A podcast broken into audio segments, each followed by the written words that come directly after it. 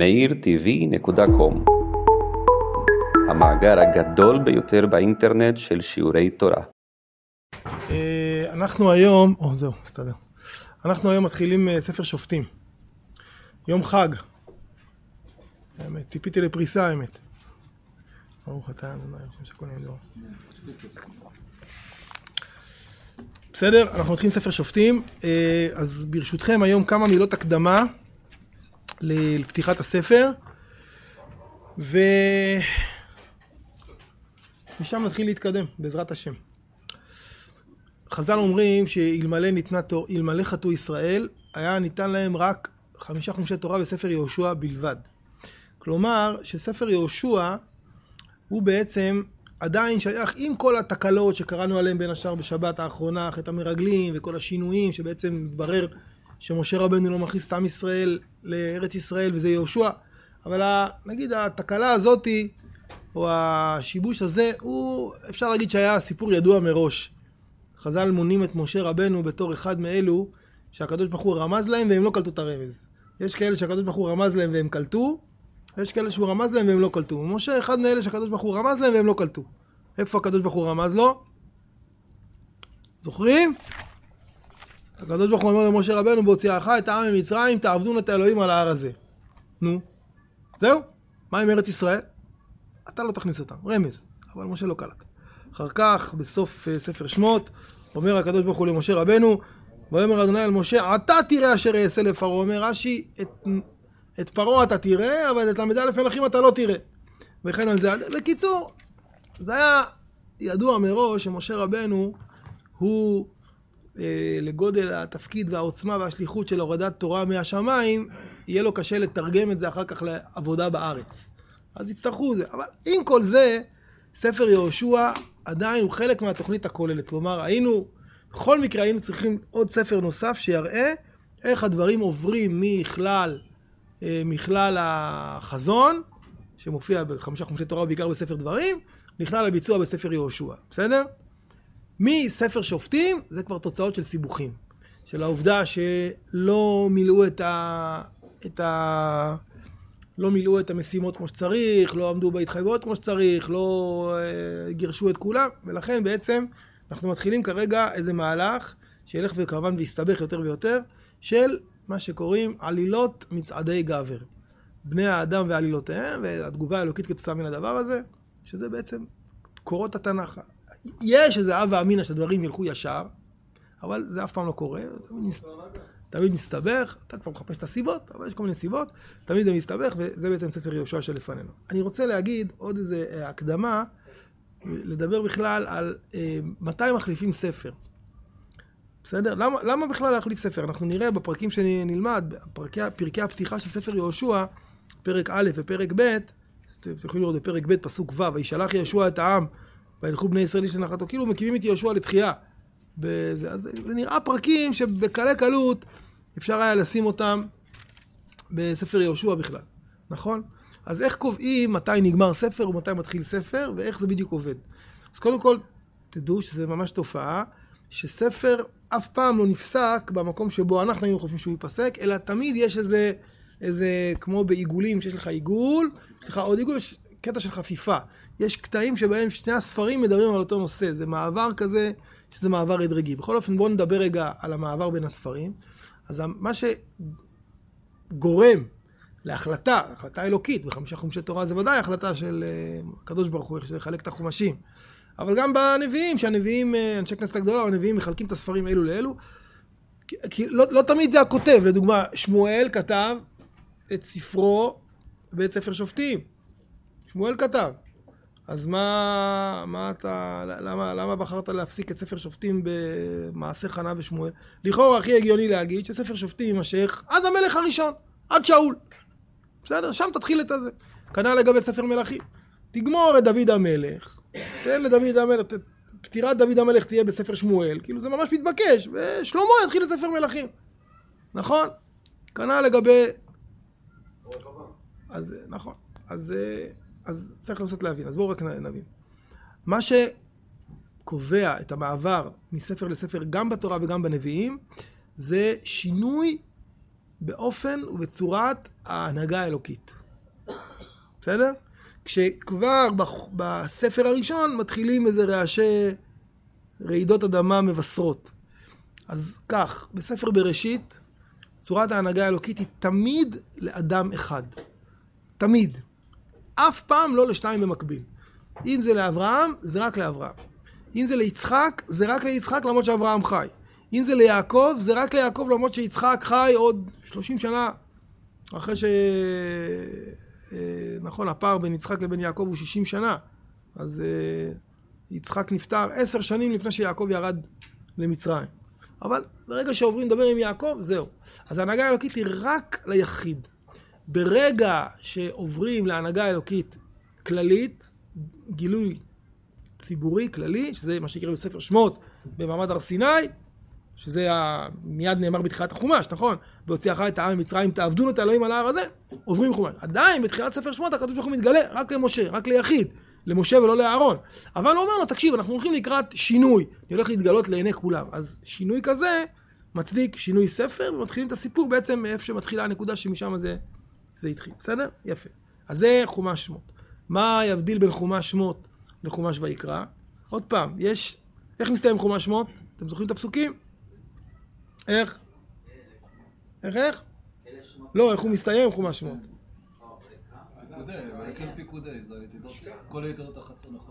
תגידו את הפסוקים. ובדבר משה, וישמע את הכל מדבר, אליו, נכון, ולא יכול משה לבוא אליו כי שכן עליו בענן, וישמע את הכל מדבר אליו וכל מסעיהם. זה פסוקים שנורא נורא מתאימים לאיזה ספר? ויקרא, ויקרא זה מתאים, כאילו הענן שוכן על המשכן וזה, זה כבר ויקרא. נכון, אחרי ספר ויקרא מתחיל, ויקרא אל משה וידבר אליו מאוהל מועד, כי משה לא יכול להיכנס. אז אנחנו רואים פה את, ה, את החפיפה הזאתי, פסוקים האחרונים של ספר שמות הם כבר מאוד מאוד פסוקים של ספר ויקרא, הם מדברים על השראת שכינה. למה צריך לעבור? כי מעמד הר סיני היה מעמד חד פעמי. התורה דואגת להדגיש את עובדת היותו מעמד חד פעמי.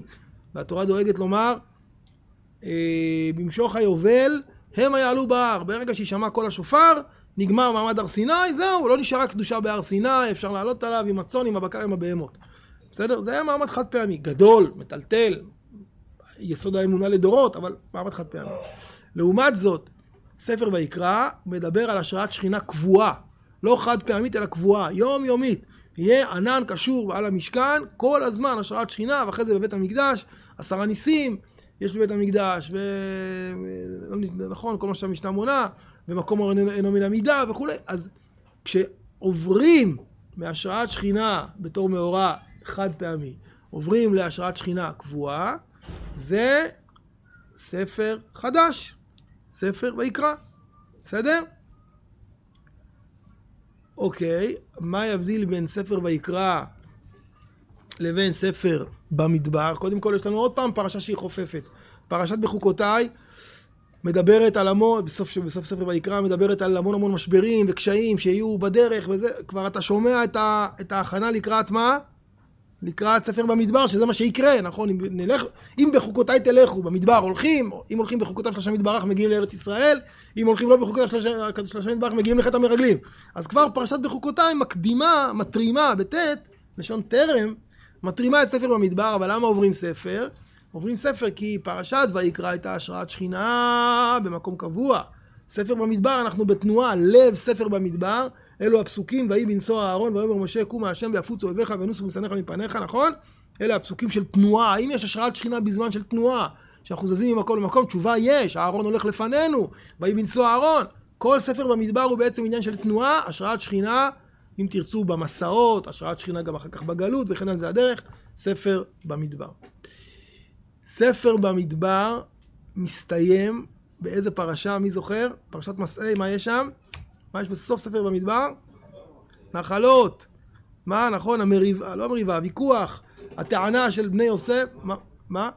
הטענה של בני יוסף כלפי בנות צלופחד. זה שם אותנו חזק מאוד, איפה? בארץ ישראל, כבר בחלוקה, בהכנות לקראת הכניסה. זה כבר שם. נכון, הרב מדן טוען טענה מאוד יפה שהשליחות של המרגלים, ה-12 מרגלים הייתה כדי לחלק את הנחלות. מה שקורה עכשיו בספר יהושע, משה רבנו עשה. אומר, כדי שלא יהיה מריבות וסכסוכים, תלכו, כל אחד, תגיעו להסכמות. אז זה, אז זה מכניס אותנו חזק מאוד לארץ ישראל. זה סיבת המעבר לספר דברים. טוב, המעבר מספר דברים ל... מארבעת החומשים לספר דברים הוא מעבר מובהק, כי בארבעת החומשים זה מדבר השם על משה לאמור, ואילו בספר דברים, אלה הדברים אשר דיבר משה. שכינה מדברת מגרונו של משה רבנו. כן. מי? השם אמרת. אה, כן, כן, אבל זה הכל כאילו דיבורים של הקדוש ברוך הוא. ואילו כאן זה שכינה מדברת מגרונו של משה רבנו, יסוד תורה שבעל פה, שהוא נעוץ בתוך תורה שבכתב, בסדר גמור, וממילא כל ספר דברים עוסק בהשראת שכינה בכניסה לארץ ישראל. בסדר? לקראת הכניסה לארץ ישראל, לכן זה קובע ברכה לפני עצמה. רק שתדעו שזה לא איזה וורט, איזה המצאה או משהו כזה, אלא זה כתוב בתורה. איפה זה כתוב בתורה? יש פסוק נפלא מאוד בפרשת בהעלותך, קראנו את זה לא מזמן, והכלי יקר, ככה הוא אומר על הפסוק הזה, פסוק אחד שבו נרמזים כל החומשים. אקרא לכם את הפסוק הזה, פרשת בהעלותך, אה, איפה זה היה? שנייה. אה, פה. כתוב ככה, יש פסוק, רש"י גם מביא את זה, רש"י מביא את זה, יש פסוק שמופיע בו חמש פעמים המילה בני ישראל. כתוב ככה, ואתנה את הלוויים נתונים לאהרון ולבעליו מתוך בני ישראל, לעבוד את עבודת בני ישראל באוהל מועד, ולכפר על בני ישראל, ולא יהיה בבני ישראל נגף בגשת בני ישראל אל הקודש. חמש פעמים בני ישראל. אז גם רש"י מביא וגם הכלי יקר מפרט שהפסוק הזה הוא תיאור של כל החומשים. ויתנה את הלוויים נתונים לאהרון ולבניו מתוך בני ישראל, זה תיאור של לקיחת עם ישראל מתוך אומות העולם. שהקדוש ברוך הוא לוקח את עם ישראל מתוך אומות העולם ומבדיל אותם לעם מיוחד. לעבוד את עבודת בני ישראל באוהל מועד, זה ספר שמות שעוסק בבניין אוהל מועד ובמשכן. ולכפר על בני ישראל, איזה ספר זה? ויקרא, כפרות. ולא יהיה בבני ישראל נגף, איזה, איזה ספר עוסק ב- בנגב? מה? במדבר. בגשת בני ישראל אל הקודש, ספר דברים שניגשים אל הקודש, זאת ארץ הקודש. אז זה פסוק שממש מתאר את החלוקה לחמישה חומשים בתורה עצמה, עם חמישה, חמש פעמים שמופיעה המילה בני ישראל באותו פסוק, נכון? רמז חשוב מאוד, רש"י מביא את זה על המקום, תסתכלו, זה רש"י אומר. סיימנו את החלוקה לחמישה חומשי תורה, בואו נראה לגבי הנביאים. טוב, הספר יהושע, כן.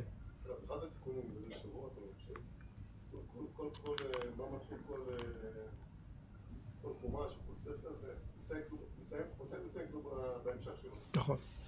אמ, טוב, טוב, ספר יהושע, זה ברור, למה הסתיימו, איפה מסתיימת התורה?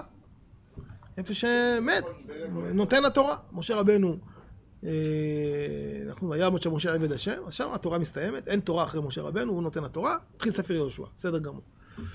מתי מסתיים ספר יהושע ומתחיל ספר שופטים?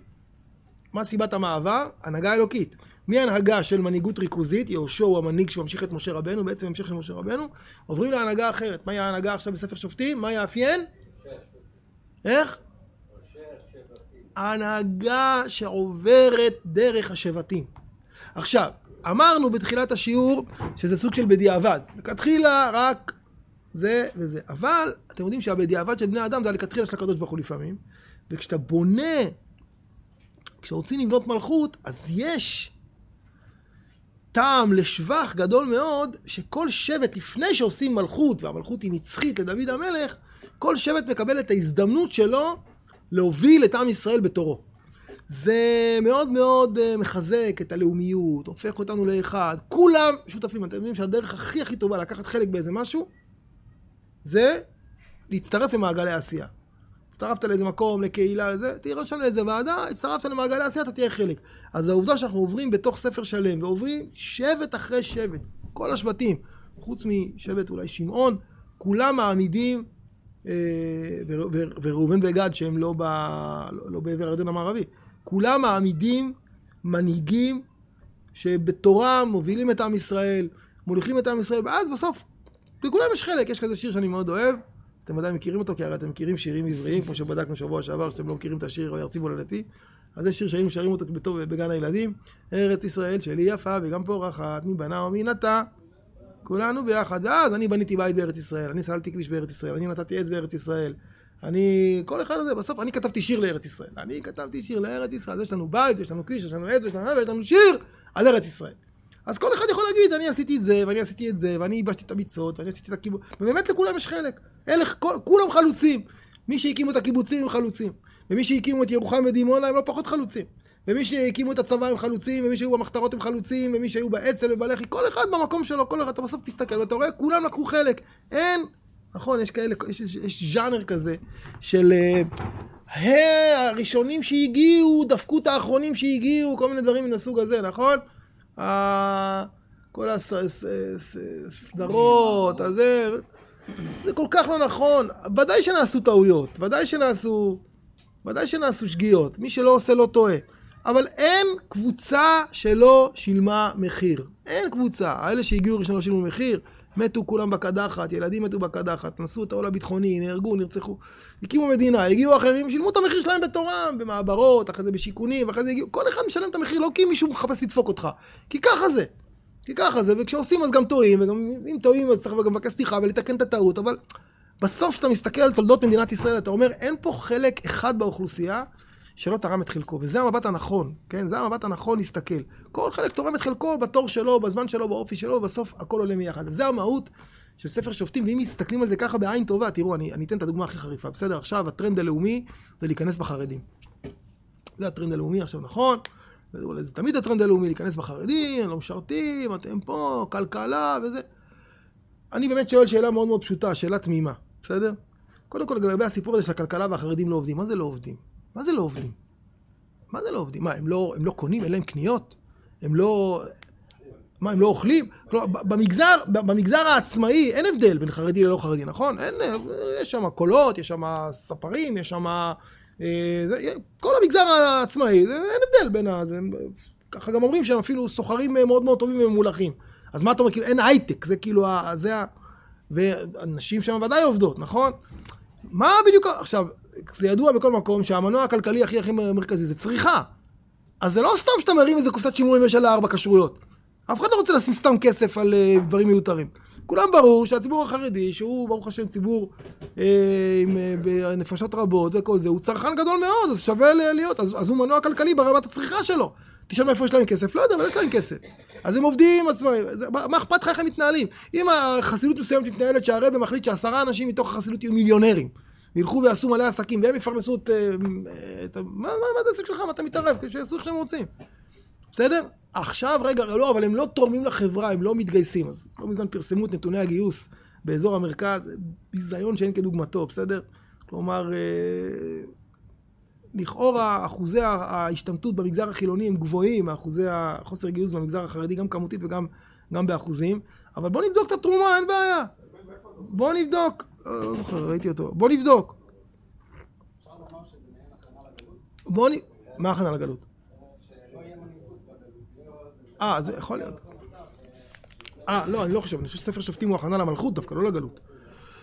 אני חוזר רגע לנושא הזה. שנייה, בוא נבדוק רגע את התרומה החברתית. אוקיי, אז אנחנו אוהבים להכניס כל דבר למגירות. אתה מתגייס, אתה בשירות לאומי, אתה זה. בוא נפתח רגע את המגירות. ונמנה כרגע את הארגונים שהקימו אנשים שהם בעלי אוריינטציה חרדית, שהארגונים האלה מטפלים ועוזרים לכל אחד מעם ישראל. תמ- תמנה אותם, תגיע לעשרות ארגונים כאלה, שיש בתוכם מאות ואלפי עובדים, והם עושים טוב לכל עם ישראל. הזכרת את יד שרה, כי משה רובח, איפה הוא כאן? משה כאן רובח, הוא אחד מגדולי המתנדבים. עשרות ארגונים, עזר מציון, יד שרה, מתנת חיים, תרומת כליה, אה, מגן לחולה, אה, עזרה למרפא, אה, חסדי יואל, חסדי נעמי, עזרה, זה פעמוני, כל ה... כל הארגונים, עוד ארגונים ועוד ארגונים שעוסקים ב... משרתים את כל... משרתים את כל, ה... את, כל... את כל סוגי האוכלוסייה. כל מי שהיה, לא עלינו, כמה פעם בבית חולים, הוא מיד אה, גילה את הדבר הזה. אז מה, חסר לך שהם לא לובשים מדים? זה העניין? שהם לא... הם תורמים במקום שלהם, גם הם יודעים היטב, מי שלומד תורה לומד תורה, וגם לימוד תורה הוא תרומה משמעותית לחברה בישראל, לכלל ישראל. אבל כל כך הרבה מפעלים של חסד ואכפתיות ועזרה. אני רוצה להגיד ככה, מתי נפל לי האסימון? נפל לי האסימון בלבנון השנייה. שאנחנו היינו, אני הייתי בלבנון, והיו טילים שעפו לכל הרוחות, עפו לחיפה, ואז אנשים נדדו, עברו לאזורים יותר זה. מי היה, מי היו גדול, גדולי מכניסי האורחים? חרדים פתחו את הבתים שלהם, שכונות חרדיות אירחו. אז פתאום הבנתי לעצמי שהיה יש לנו היום אה, חמישה פיקודים, פיקוד צפון, פיקוד מרכז, פיקוד דרום, פיקוד העומק, יש שם גם פיקוד הכשרות, זה אבל נגיד, ופיקוד פיקוד העורף. ולדעתי היום במלחמה, הפיקוד הכי חשוב זה פיקוד העורף. כי העורף יהיה בחזית, ויירו עליו טילים, ויירו עליו, וצריך צריך שם חוסן. אז אם יש לך אלפי חיילים בפיקוד העורף, חיילים אלמונים עניינו בלי מדים, הם לא לובשים מדים, אין להם את הכומתה ואין להם את הסמל פה, אבל הם חיילים בפיקוד העורף, שיצטרכו אותם, הם יבואו, יפתחו את הבתים, יעברו לחלק. כי המיינדד, האוריינטציה היא של תמיד של חסד ונתינה, כי ככה, ככה גדלים. אז זה נכס אדיר. המדינה, אז you name it, תיתן איזה שם, תתן להם איזה משהו, זה, תקרא לזה, אבל זה, זה כולם חיילים בפיקוד העורף. אז במקום להסתכל התבוננות, ו- ומי מודד את, אה, את אה, אם נכליל גם, לא, ש, לא שזה מדויק, אבל נגיד שנכליל גם את חב"ד בתוך האוריינטציה החרדית הכללית, למרות שחב"ד זה סיפור אחר וגם מתגייסים לצבא, אבל אז איך אתה יכול לכמת את כמויות הישראלים, המטיילים, שמקבלים עזרה וסיוע, לא רק בחירום, אלא סתם, בזה, בגלל שזה בית חב"ד שנמצא בכל מקום בעולם. מי, שיכול, כמה, כמה הפרויקט הזה עולה, כמה מיל... עשרות מיליוני דולרים מושקעים בפרויקט הזה כדי שהבן שלך או הבת שלך שהולכים לטייל באיזה חור בדרום אמריקה ונקלעים לאיזושהי עזרה או מצוקה, או סתם רוצים להיות באיזה מקום בשבת ולאכול ארוחה וזה, יהיה להם לאן להגיע. זה גם פרויקט שאתה... נכון? אז העניין הוא איזה עין אתה מסתכל. כשמסתכלים בעין לא טובה, בסדר? וכשמסתכלים בעין טובה, יודעים, יודעים לתרגם ולהגיד, כל אחד תורם במקום שלו, בסגנון שלו, אל תתחיל לדחוק את האנשים לפינה. אז אתה, בעצם, רואה שהדבר הזה שנקרא מדינת ישראל, הוא נבנה מתרומתם של כל השבטים כולם. כל השבטים, אני משתמש כאן במטאפורה של הנאום השבטים של נשיא המדינה, הנאום בעיניי המזעזע הזה, כי מה, כי כן, הוא שכח, הוא החליף שבט בשבט, עם כל הכבוד, ארבעה שבטים, החילונים, מה מה היה שם? החילונים, הדתיים, החרדים והערבים. שכחנו את השבט הכי חשוב, היהודים שלא בארץ ישראל, אנחנו מדינת ישראל, מדינת הלאום של העם היהודי. איך אפשר לא להזכיר את השבט הזה? זה היפוך היוצרות. זה הסיפור של ספר שופטים, בסדר? ספר שופטים, אנחנו נעבור שבט אחרי שבט, כל אחד יקבל את הבמה לרגע, הוא יהיה כוכב, ואז כשתהיה המלכות, זה יהיה הרבה יותר בשל, הרבה יותר עמוק, הרבה יותר שלם. טוב, הלאה. מה יעביר אותנו מספר שופטים לספר שמואל? מה? מלך.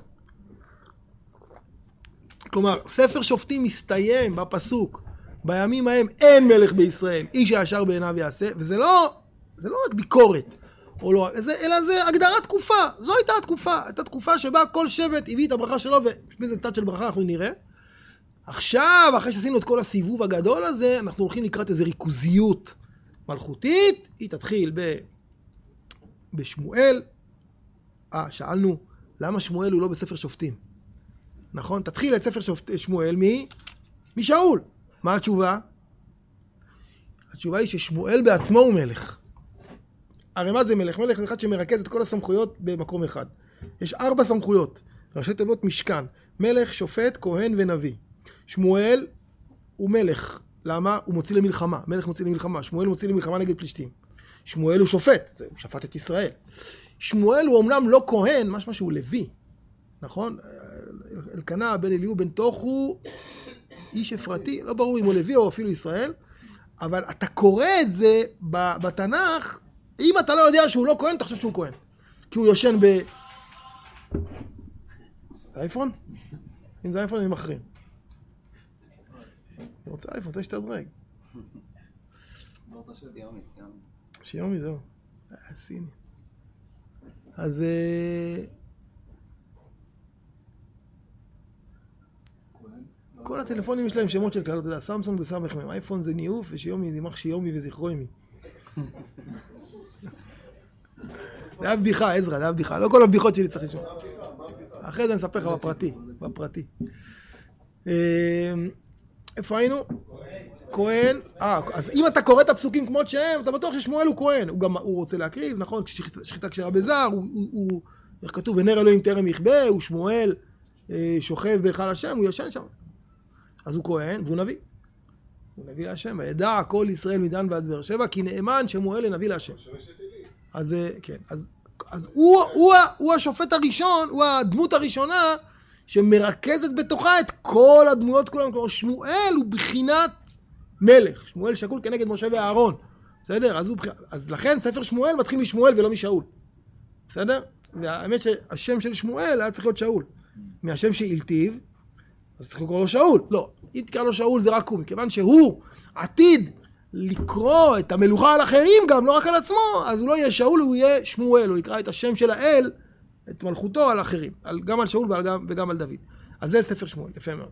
ספר שמואל, כל המלוכה. למה ספר שמואל מפסיק ועובר לספר מלכים? שם זה הכי, שם זה השאלה הכי חמורה, כי באמת זה נורא נורא לא טבעי. עוד פרק אחד, דוד כאילו נותן את הצבא ונפטר, זה קלאסי, הרי ספר שמואל עוסק בדוד המלך. תסיים את ספר שמואל במות דוד, ותתחיל מספר מלכים משלמה. למה ספר שמואל מתחלף? אמרנו, הכל זה הבדלים בהנהגה האלוקית. הנהגה האלוקית של שבטים זה אחד, הנהגה האלוקית של מלכות זה, ש... זה דבר שני. מה, מהו המעבר מספר שמואל לספר מלכים? מעבר ממה למה? מלך, נכון, נכון. בית המקדש, מה? איפה, לא, הפיצול זה כבר יותר מאוחר. איפה נפסק, נפסק ספר שמואל? באיזה מקום? מה האירוע שקורה שם? איך? לא יודעים. מה האירוע שחותם את ספר שמואל? בבארן. אל תגיד הר הבית, אלא תגיד איזה מקום מגלים? איזה מקום בבית המקדש? לא הר המוריה, אלא איזה מקום? כן, אבל מה היה שם על גורן? אחרי זה, שפינו את הרבנה, אז מה שמו שם במקום? מזבח. ספר שמואל מסתיים ברגע שיש מעבר בין הארון לבין המזבח. הגיבור של ספר שמואל זה הארון. הוא מתחיל מההתחלה, שפלישתים לוקחים אותו בשבי, בתקופה, בימי עלי. אחר כך הוא חוזר לבית שמש, והקדוש ברוך הוא מכה בעם מכה גדולה. אחרי זה אהרון נודד על שבעה מקומות לאורך כל ספר שמואל. הוא נמצא בבית שמש, אחרי זה בקריית יערים, אחרי זה בית עובד אדום הגיתי, אחרי זה דוד המלך מביא אותו אליו, ל... הוא מנסה להעלות אותו לעיר דוד, אבל לא, אז הוא מחזיר אותו לבית עובד הגיתי, אחרי זה הוא מעלה אותו שוב פעם לעיר דוד, שם אהרון עובר, הוא היה בפלישתים לפני כן, בשני מקומות אצל פלישתים, העבירו אותו מכל מקום, הוא היה אהרון בספר שמואל נודד בשבעה מקומות. זה הארון. והארון זה ביטוי להנהגה האלוקית שהיא, מי סוחב את מי? אנחנו אותו או הוא אותנו? הוא אותנו. כלומר, זה אמנם מלכות בהתהוות, אבל הארון הוא במרכז. ברגע שאתה עובר למזבח, איך המזבח זה מקום העבודה, נכון? אתה עובד מלמטה, מביא אש מלמטה, יורדת אש מלמעלה, אבל אתה... ברגע שיש כאן איזו התבססות בעקבות דוד המלך, אתה יכול כבר לשים את הארון, לגנוז אותו, והמזבח הוא הדבר המרכזי. אגב, בית המקדש, הר הבית, שדיברנו על הר הבית, אנחנו היינו אומרים, אם היו שואלים אותי, הייתי אומר, המקום המרכזי בהר הבית, מה שמגדיר את הר הבית, היות הר הבית, זה מקום קודש הקודשים. אבל הרמב"ם בהלכות בית הבחירה לא אומר ככה. איך הרמב"ם אומר? אומר לנו רבנו משה בן מימון הספרדי המימוני, מקום המזבח מכוון ביותר. המקום המדויק שממנו אין לזוז ואין להזיז, זה דווקא מקום המזבח, שעליו הקריב אה, דוד, נכון? ככה הוא אומר, ועליו הקריב, עליו עקל אברהם את יצחק, ושם הקריב נוח את הקורבן שלו, ושם הקריב קין את הקורבן שלו, ומשם נברא, נלקח עפרו של אדם הראשון, שנאמר, אדם ממקום כפרתו נברא. כך אומר הרמב"ם בהלכות בית הבחירה, בערך ציטוט מדויק. אז המקום של המזבח הוא דווקא המקום שמגדיר. אז אנחנו עוברים מהארון שנושא את נושאיו, עוברים למזבח שזה, זהו, מלכות, זה האחריות שלכם, אתם צריכים זה, אני אשרי את שכנתי, אבל זה האחריות שלכם, כמו ששלמה אחר כך ייקח את כל האחריות, זה מעביר אותנו מספר שמואל לספר מלכים. מתי נגמר ספר מלכים? בגלות. חזרה מהגלות, ויעל, כן, נגמר במילה ויעל.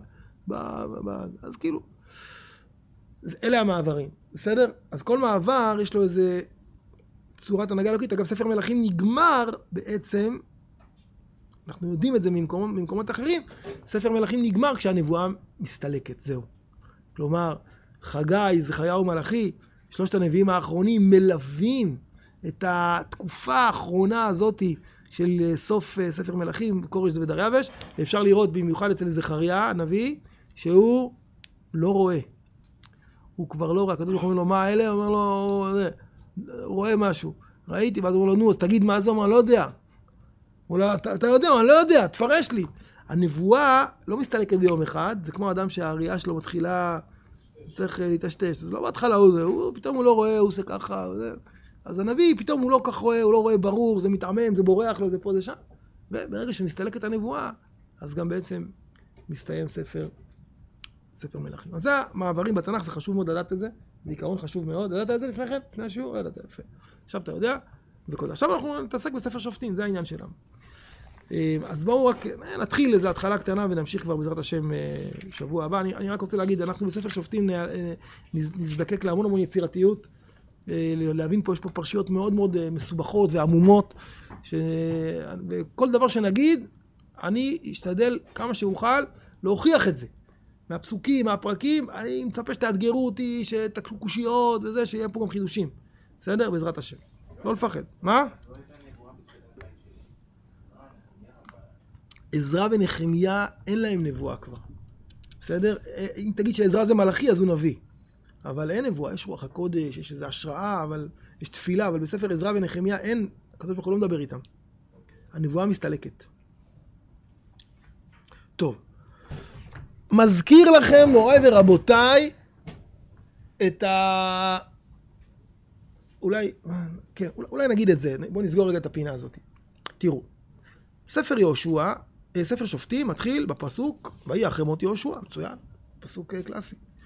ויש כאן, אה, תכף נראה מה יש כאן, טה טה טה טה טה, אבל פתאום בפרק ב' כתוב, וישלח יהושע את העם וילכו בני ישראל איש לנחלתו לרשת את הארץ, ויעבדו העם את אדוני כל ימי יהושע, וכל ימי הזקנים אשר האריכו ימים אחרי יהושע, אשר ראו את מעשה אדוני הגדול אשר עשה לישראל, וימות יהושע בן נון, עבד אדוני, בן מאה ועשר שנים, ויקברו אותו בגבול נחלתו בתמנת חרס בהר אפרים מצפון להר געש, וגם כל הדור ההוא נאספו אל אבותיו, ויקום דור אחר אחריהם, אשר לא ידעו את אדוני וגם את המעשה אשר עשה לישראל. עכשיו, הפסוקים האלה כבר קראנו אותם, נכון? כבר קראנו אותם בסוף ספר יהושע. עכשיו, אנחנו אומרים, אוקיי, קראנו, אבל עבר מזמן, עבר שבוע כבר, באמצע היה, לא יודע מה, היה כל מיני עניינים, היה זה, רציחות במגזר הערבי, חדשות, שכחנו מה היה. אז עושים לנו, כמו בסדרות, last time on זה, next time on זה, שניזכר, אבל זה ודאי לא עובד ככה בתנ"ך. אם זה נכתב, זה לא בגלל ששכחנו ובגלל שאנחנו לא שמים לב, אלא בגלל שזה צריך להיכתב. אז בעצם מה זה אומר? זה אומר בצורה מובהקת, שפרק א' ופרק ב' בספר שופטים, הם בעצם המשך של ספר יהושע. אוקיי, אז למה לא כתובים בספר יהושע? אז תכתוב את זה בספר יהושע. מה? לא בגלל זה, לא, לא הסיבות הטכניות. אז הסיבה היא כזאת, אמרנו בעבר, ואני חוזר, שבתוך ספר יהושע כבר מתחיל ספר שופטים. נכון? כי מה מאפיין את ספר יהושע כספר יהושע? ריכוזיות. שיהושע מוביל את המנהיגות וכולם נלחמים כדי לכבוש את ארץ ישראל לכולם. זה מה ש... זה המאפיין של ספר יהושע. כל השבטים הולכים וכובשים את נחלת יהודה. כל השבטים הולכים וכובשים את בנימין. בשלב מסוים זה... זהו, זה לא עובד.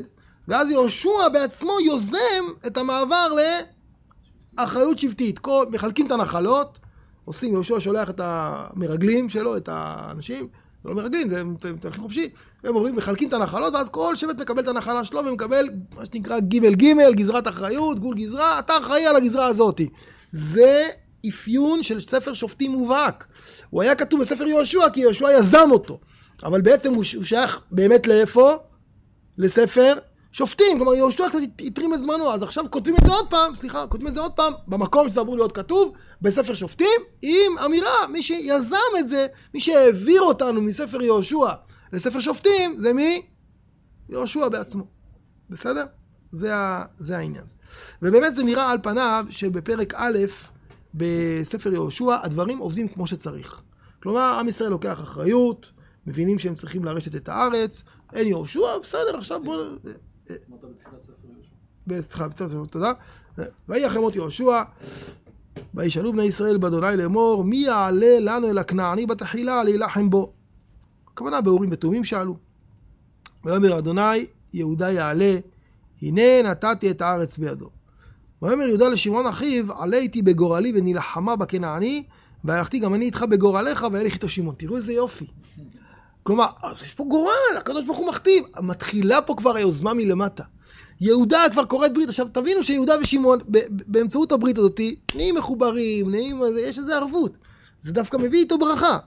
ויעל יהודה ויתן אדוני את הכנעני והפריזי בידם ויקום בבזק עשרת אלפים איש.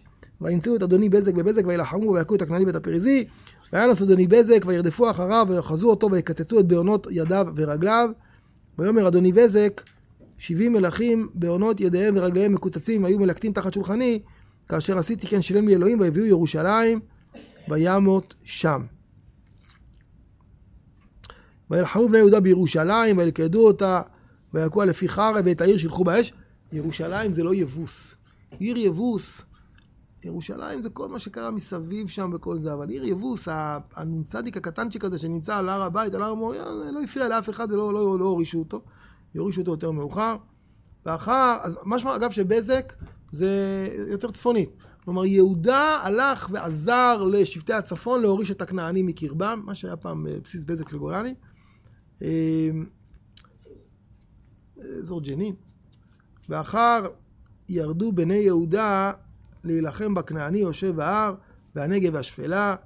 וילך יהודה אל הכנעני היושב בחברון, בשם חברון לפנים קריית ארבע, ויכו את ששי ואת אחימם ואת תלמי. וילך משם אל יושבי דביר, בשם דביר לפנים קריית ספר. ויאמר כלב, אשר הכה את קריית ספר ולכדה, ונתתי לו את עוכסה ביתי לאישה. הנה ההפרטה. הנה ההפרטה. אתה אומר, אומר כלב, כן, זה, זה הכל בתוך השבט. זה אחריות של השבט שלנו. מי שיעזור לי להוריש את הדבר הזה וזה וזה, אני רוצה אותו חתן שלי. קודם כל, הוא ודאי אדם גיבור, אבל ככה זה עובד. ברגע שאתה נותן את זה לשבטים, אז השבטים מורידים את זה ל...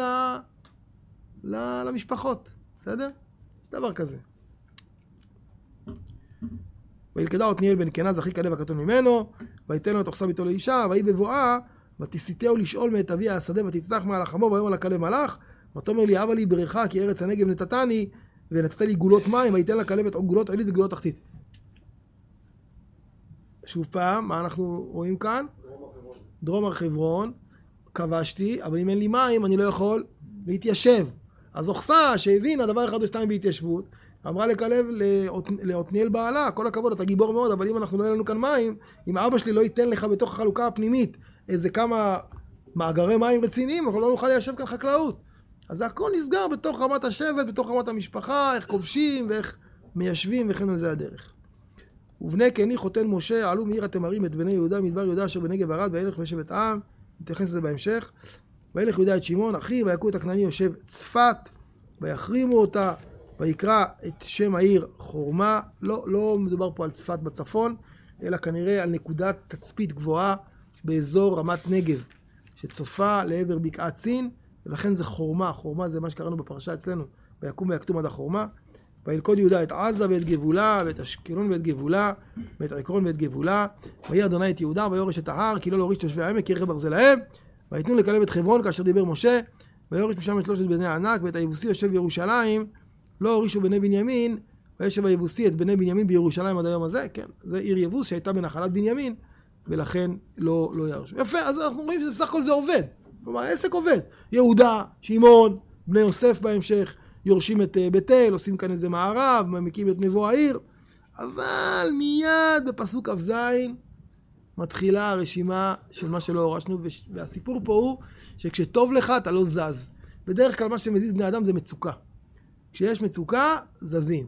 השב"כ ייכנס למגזר הערבי רק אחרי שהם לא מפסיקים לרצוח אחד את השני, ואין ברירה, זהו, מתוך זה לא, לא ייכנסו, רק מצוקה.